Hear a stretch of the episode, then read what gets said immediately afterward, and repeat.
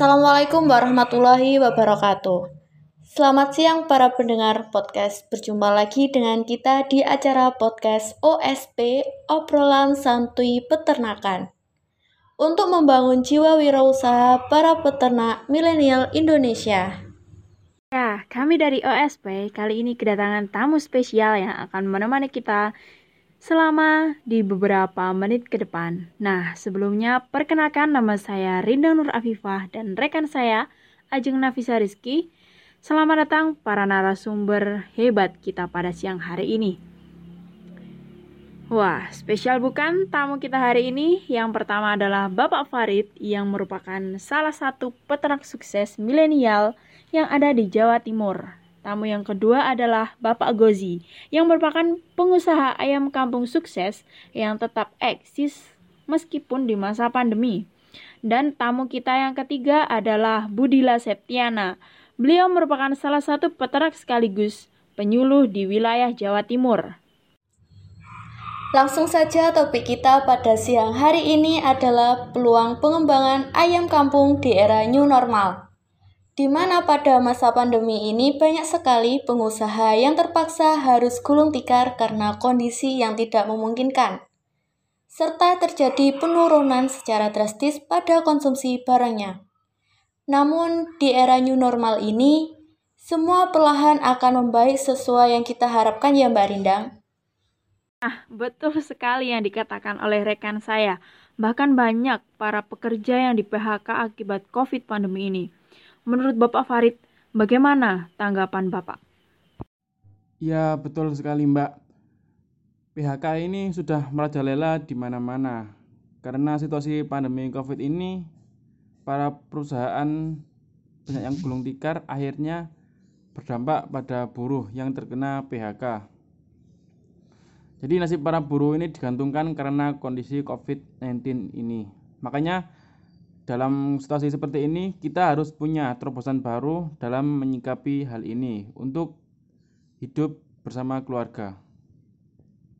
Mungkin terobosan tersebut salah satunya bisa dengan beternak karena beternak sendiri itu bisa dilakukan sendiri di rumah ya Pak.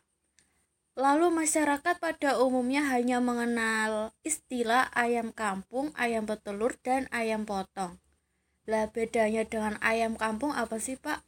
Bisa dijelaskan?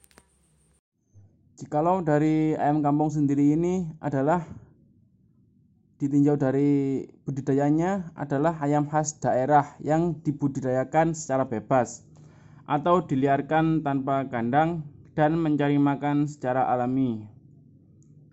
Hal ini masih dapat bisa dijumpai dijumpai di kampung-kampung maupun di desa, Mbak. Banyak masyarakat itu bukan peternak ya. Ini masyarakat ini mempunyai ayam kampung hanya buat celengan. Misalnya kalau hari hari raya ataupun ada acara-acara penting bisa disembelih dibuat hajatan. Lalu ayam kampung ini atau ayam negeri dibudidayakan secara intensif, yaitu disebut ayam kampung dan jenisnya bermacam-macam, antara lain ayam kedu, ayam belung yang terkenal dengan ciri khas suaranya, dan juga ada ayam terbaru dari terobosan dari Kementerian Pertanian melalui BPTB yaitu ayam KUB. Sedangkan ayam petelur dan pedaging yang banyak dijumpai di pasar adalah jenis ayam ras yang aslinya berasal dari luar negeri. Lalu mengapa ya Bu?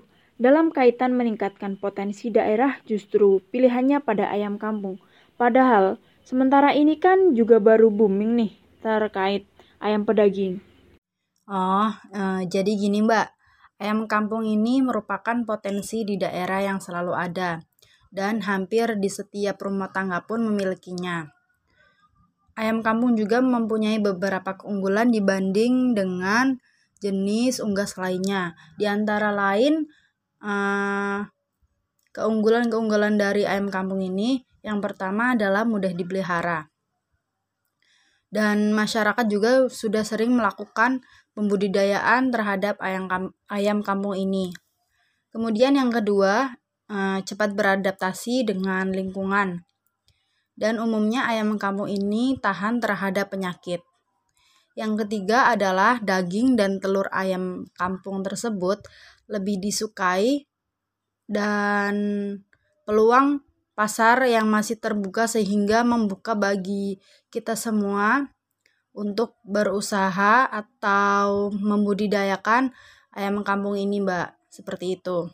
Lalu yang keempat eh, dapat dilaksanakan dengan model kecil-kecilan. Dengan penggunaan lahan yang terbatas juga kita mampu atau bisa eh, menternak atau membudidaya ayam kampung ini. Dan yang terakhir yaitu memiliki variasi keunggulan tertentu sesuai dengan daerah asalnya. Seperti itu, Mbak. Jadi banyak banget keunggulan dari ayam kampung ini dibanding ayam yang lainnya. Nah, menurut Pak Gozi, misalkan nih Pak, kita ingin berusaha secara intensif. Eh, hal-hal uh, apa saja ya Pak yang perlu diperhatikan supaya tidak salah langkah? Wah, banyak sekali ya keunggulan ayam kampung. Jadi, apakah ayam kampung ini dapat menjadi sumber ekonomi rakyat petani? Jika perubahan peranan di sekitar dari usaha tradisional diubah menjadi usaha komersil ya Pak? Uh, kalau menurut saya sih bisa Mbak. Karena ayam kampung ini dapat menjadikan sumber ekonomi rakyat petani jika rakyat petani tersebut mampu mengadakan perubahan terhadap peranan semisal dari sekedar sebagai sampingan ya mbak ya gitu yang dipelihara secara tradisional kemudian rakyat petani mampu merubahnya menjadi usaha komersil dan dikelola dengan sistem intensif ataupun semi intensif. Kuncinya sih di sini dalam pengembangan ayam kampung itu merubah sistem lama atau sistem tradisional hmm, dengan mengadopsi teknologi yang mudah dilaksanakan dan diharapkan juga dengan waktu yang relatif singkat mampu mengembangkan ayam kampung yang sudah ditingkatkan. Dengan perubahan itu, bisa mengadopsi teknologi yang mudah dan murah biayanya akan memberikan keuntungan yang memadai. Berarti kan bisa dirasakan oleh setiap petani akan pendapatan yang diperoleh dengan harapan bahwa ayam kampungnya itu uh, dikelola dengan baik sesuai anjuran teknis maupun ekonomisnya. Sementara ini jika kita berpergian lalu melewati daerah-daerah pedesaan yang banyak bermunculan bangunan kandang yang megah. Coba aja kita bayangkan, berapa model awal yang harus kita miliki. Iya, hanya di bulan-bulan tertentu saja. Terkadang ayam kampung menjadi sangat favorit di kalangan masyarakat, sehingga banyak rumah tangga yang ingin membudidayakannya. Tapi namun saat ini pun penyediaan bibit masih menjadi kendala. Hasil limbah ternak ayam kampung belum termanfaatkan secara optimal seperti limbah kotoran karena mayoritas masih usaha dalam skala rumah rumah tangga. Nah, di sini ada beberapa hal yang harus kita perhatikan. Yang pertama ada pemilihan bibit, dua perkandangan, tiga pengendalian penyakit, 4 pakan berkualitas, 5 pengolahan reproduksi, 6 tata laksana, yang terakhir ada pemasaran dan pasca panen. Namun pada kesempatan kali ini penekanannya pada masalah nomor 5 sampai nomor 7 karena sangat erat dengan tujuan pemeliharaan. Dari tujuh poin penting tersebut, lalu bagaimana dengan manajemen usaha atau tata laksana pemeliharaan ayam kamu sekarang ya Pak? Pada umumnya ada tiga macam sistem pemeliharaan. Yang pertama, menggunakan kandang dan dilepas. Yang kedua, dengan kandang dan dilepas dalam pagar. Yang ketiga, di dalam kandang terus-menerus atau disebut dengan kandang baterai. Langkah yang penting lainnya adalah recording atau pencatatan terutama mengenai catatan produksi, catatan penyakit dan pengobatannya. catatan pengeluaran dan pemasukan. Sedangkan untuk jangka panjangnya diperlukan kerjasama dalam kelompok maupun antar kelompok untuk mengantisipasi pengadaan bibit, vaksin, obat-obatan, dan bahan lainnya sehingga biaya lebih murah. Pengendalian penyakit, pemasaran produksi, penyebaran dan penyerapan teknologi dan lain-lain sehingga untuk mengurangi biaya. Oh, begitu ya, Pak. Lalu dengan melihat pemasaran hasil produksi ayam kampung nih, Pak. Kami rasa seperti tidak ada masalah, namun rasa-rasanya kok masih ada yang kurang ya? Menurut Bapak apa? Memang benar, ayam kampung dapat dijual dalam bentuk hidup maupun ayam potong tetapi kenyataannya belum mampu memenuhi permintaan pasar secara kontinu. Sebagai contoh, setiap kali lebaran, beberapa banyak keluarga yang membutuhkan ayam untuk berlebaran, walaupun harganya mahal. Maraknya penipuan telur ayam ras dibuat mirip dengan telur ayam kampung. Juga merupakan bukti bahwa telur ayam kampung masih banyak penggemarnya, terutama bagi olahragawan karena putih telurnya hampir tidak mengandung lemak. Iya, benar juga, Pak. Apakah di setiap bulan ayam kampung ini bisa menjadi favorit di kalangan masyarakat, khususnya pada rumah tangga ya? Lalu untuk mengatasi hasil limbahnya bagaimana ya, Pak? Uh, gini, Mbak. Yang namanya kehendak alam seperti saat ini, segala usaha di bidang pertanian maupun peternakan secara umum tidak dapat diprediksi ya, Mbak. Manusia saja banyak yang terganggu kesehatannya seperti saat pandemi ini. Begitu juga dengan ayam kampung. Kunci dari pengendalian penyakit ini sebenarnya sih uh, dengan mengupayakan agar ayam kampung selalu sehat yang tentunya ini sangat berkaitan dengan pemilihan bibit yang baik, teknik perkandangan, dan pakan yang berkualitas. Seperti itu, Mbak. Nah, untuk saat ini kan sering melihat keadaan alam atau iklim, terutama berkaitan dengan musim. Kata orang Jawa nih, termasuk salah mongso. Menurut Budila, bagaimana pengaruhnya terhadap kesehatan ternak ayam kampung ya, Bu? Iya, betul sekali Ibu Dila. Sebagai peternak kita harus menjaga kualitasnya juga. Dan untuk peluang pengembangan usaha ayam kampung di era new normal, saat ini bagaimana ya Pak Gozi? Silakan. Iya, betul sekali Bu. Lalu untuk penyakit yang biasa menyerang ayam kampung saat pandemi kali ini apa saja ya Bu? Dan bagaimana cara pencegahannya? Baik, terima kasih.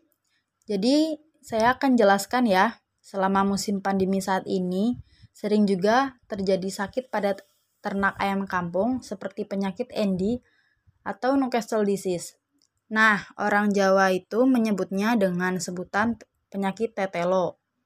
Pencegahan dari penyakit tetelo yaitu dengan cara melakukan vaksinasi endi secara teratur pada umur ayam 4 hari, lalu 4 minggu, dan 4 bulan. Diulangi lagi setiap 4 bulan sekali. Nah, yang kedua yaitu adalah penyakit cacingan. Penyakit cacingan pada ayam dicegah dengan menghindari pemeliharaan secara sistem tradisional. Kemudian lanjut ke yang ketiga ada CRD. Nah, di sini CRD tersebut termasuk dalam penyakit pernafasan pada ayam. Pengobatan dan pencegahan CRD ini dengan cara pemberian chlortetasilin dengan takaran dosis 100 sampai 200 gram per ton ransum atau tilosin dengan takaran dosis 800 sampai 1000 gram per ton ransum. Lanjut lagi di sini ada berak darah. Nah, berak darah ini pengobatannya dengan pemberian preparasulfa atau anirolium yang dilarutkan ke dalam air. Untuk takaran dosisnya yaitu 0,012 sampai 0,024% selama 3 sampai 5 hari. Dan yang terakhir ada penyakit pilek pada ayam atau disebut dengan snotch. Pengobatan penyakit pilek ini dengan cara memberikan sulfadimektosin sebanyak 0,05% yang dilarutkan dalam air dan diminumkan pada ayam selama 5 sampai 7 hari. Wah, ternyata banyak sekali ya Bu masalah penyakit yang terjadi saat musim pandemi ini.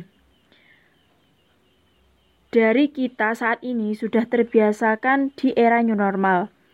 Kemudian, apakah ada takaran pakan sebagai penentu yang diberikan pada ayam, Bu?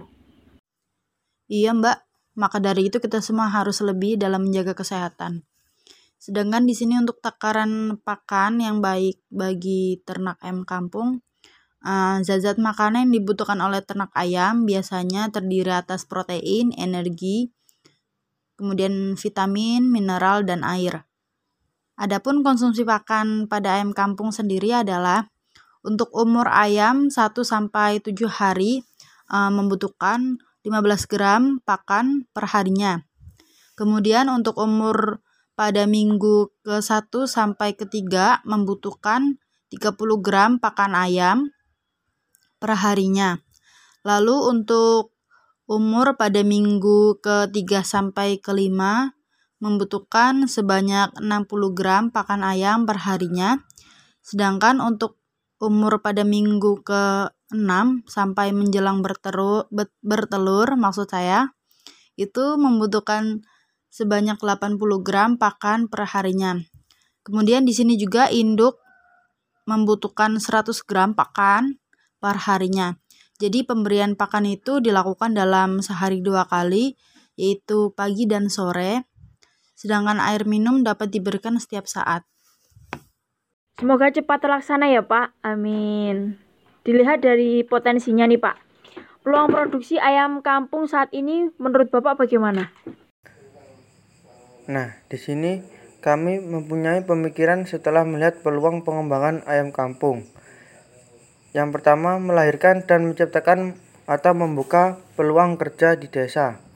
Menciptakan wirausaha baru yang potensial di desa, menyediakan protein hewani yang berbasis bahan baku lokal dan berkualitas, mampu meningkatkan taraf hidup masyarakat pedesaan dengan budaya usaha budidaya ayam kampung atau ayam buras. Dan yang tidak kalah pentingnya adalah terjadinya transfer teknologi pemeliharaan ayam kampung ke masyarakat pedesaan. Yang terakhir, memasyarakatkan budaya ayam kampung di setiap rumah tangga desa sehingga kesejahteraannya dapat meningkat. Kalau dari saya, Mbak, sebagai peternak ayam kampung ini yang diharapkan adalah peran pemerintah yang sangat dibutuhkan untuk memberikan stimulus program pengembangan ayam kampung atau ayam lokal secara optimal sehingga produksi dari ayam kampung ini di dalam negeri ini dapat maksimal untuk memenuhi kebutuhan dalam negeri. Dan diharapkan bisa ada jalan untuk ekspor juga jadi kita bisa mampu bersaing dari segi harga antara ayam broiler dengan ayam kampung yang sekarang sudah mulai naik daun ayam kampung ini. Terima kasih Mbak untuk peluang produksi sendiri dari ayam kampung ini, yang pertama, produksi masih sangat terbatas sehingga terdapat peluang untuk mengoptimalkan jumlah produksi DO chicken atau DOC ayam kampung.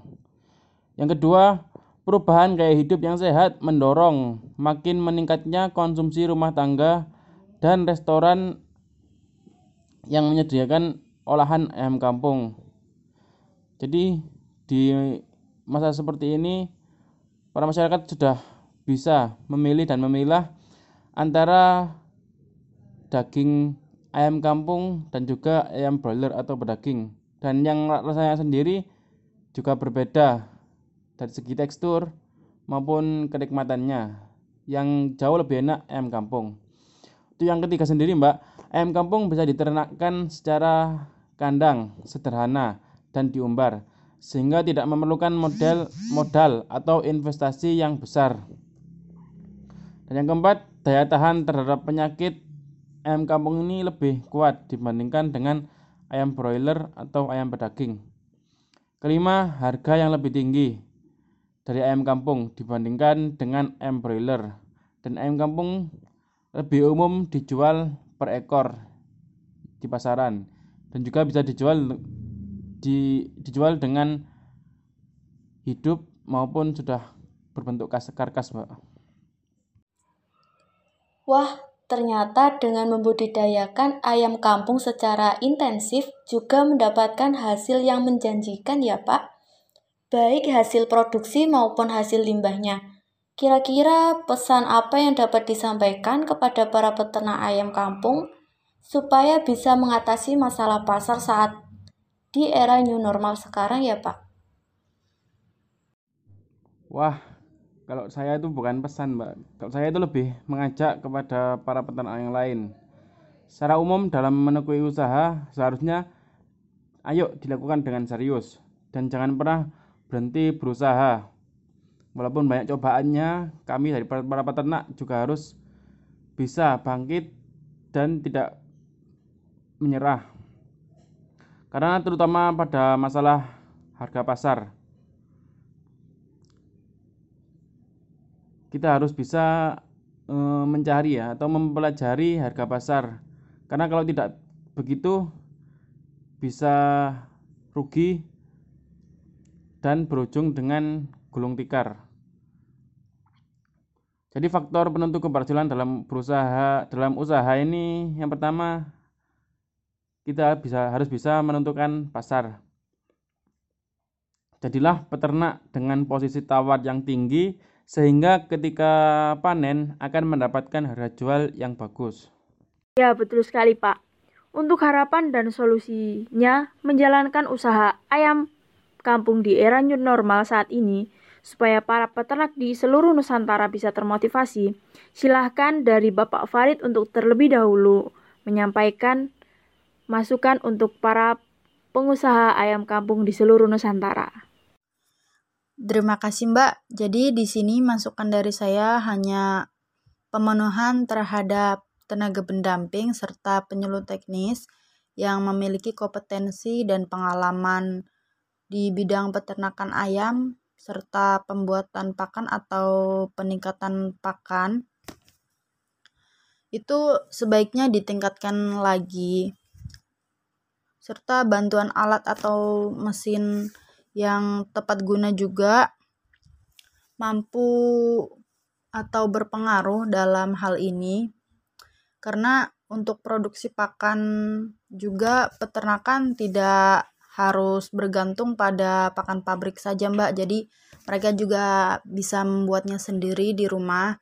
Dengan begitu kan bisa menekan biaya pembelian atau pengeluaran untuk pakan ternak sehingga biaya tersebut bisa diputar atau digunakan untuk kebutuhan yang lainnya. Cukup sekian Mbak dari saya. Betul sekali apa yang dikatakan oleh Bapak Farid. Nah, yang selanjutnya silakan untuk Ibu Dila untuk menyampaikan masukannya. Wah, sangat menarik sekali obrolan kita pada siang hari ini. Tak terasa ya, kita sudah sampai di penghujung acara. Acara sangat menarik sekali pembahasan terkait dengan ayam kampung di era new normal yang dapat memberi gambaran untuk para peternak di Nusantara saat ini. Terima kasih atas perhatian untuk para pendengar semuanya dan terima kasih juga kepada narasumber kita Pak Farid, Pak Gozi, dan Ibu Dila atas ilmu yang telah disampaikan pada hari ini. Semoga bermanfaat bagi kita semuanya. Salam cinta dari Udung Kadang, salam peternakan. Mo.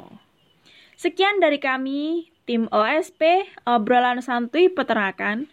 Bertemu lagi di acara berikutnya yaitu di pertemuan minggu depan. Wassalamualaikum warahmatullahi wabarakatuh. Wah iya betul sekali pendapat Ibu Dila. Dan yang terakhir silakan untuk Bapak Gozi menyampaikan solusi terkait pengembangan ayam kampung di era new normal saat ini.